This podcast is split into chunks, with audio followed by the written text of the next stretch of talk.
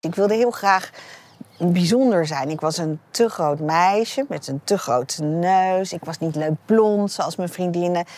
En kon, was ik niet echt schattig. Daar was ik denk ik te, te intellectueel voor. En ik voelde me niet, ja, ik voelde me niet plaatsbaar. Ik had altijd het gevoel toen wij opgroeiden dat uh, mijn ouders heel erg afkeren tegen het Jodendom. En ook tegen allerlei vormen van verwichtigers in de oorlog. En dat ik daardoor in een vacuüm terecht kwam. Van, ja, waar hoor ik nou eigenlijk bij? Of bij wie hoor ik nou eigenlijk? Of wat ben ik nou eigenlijk?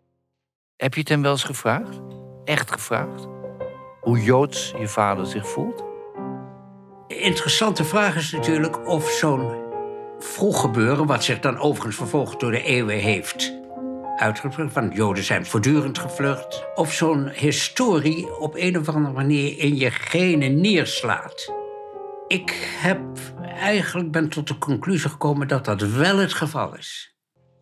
Ik ben Anna van Praag en ik schreef onlangs een boek over een Joods kind. Maar hoe zit het eigenlijk met mij? Ben ik een nepjood? Het antwoord op die vraag hoor je in mijn audio-familiebiografie Ben ik een nepjood? Te beluisteren in de betere podcast-app.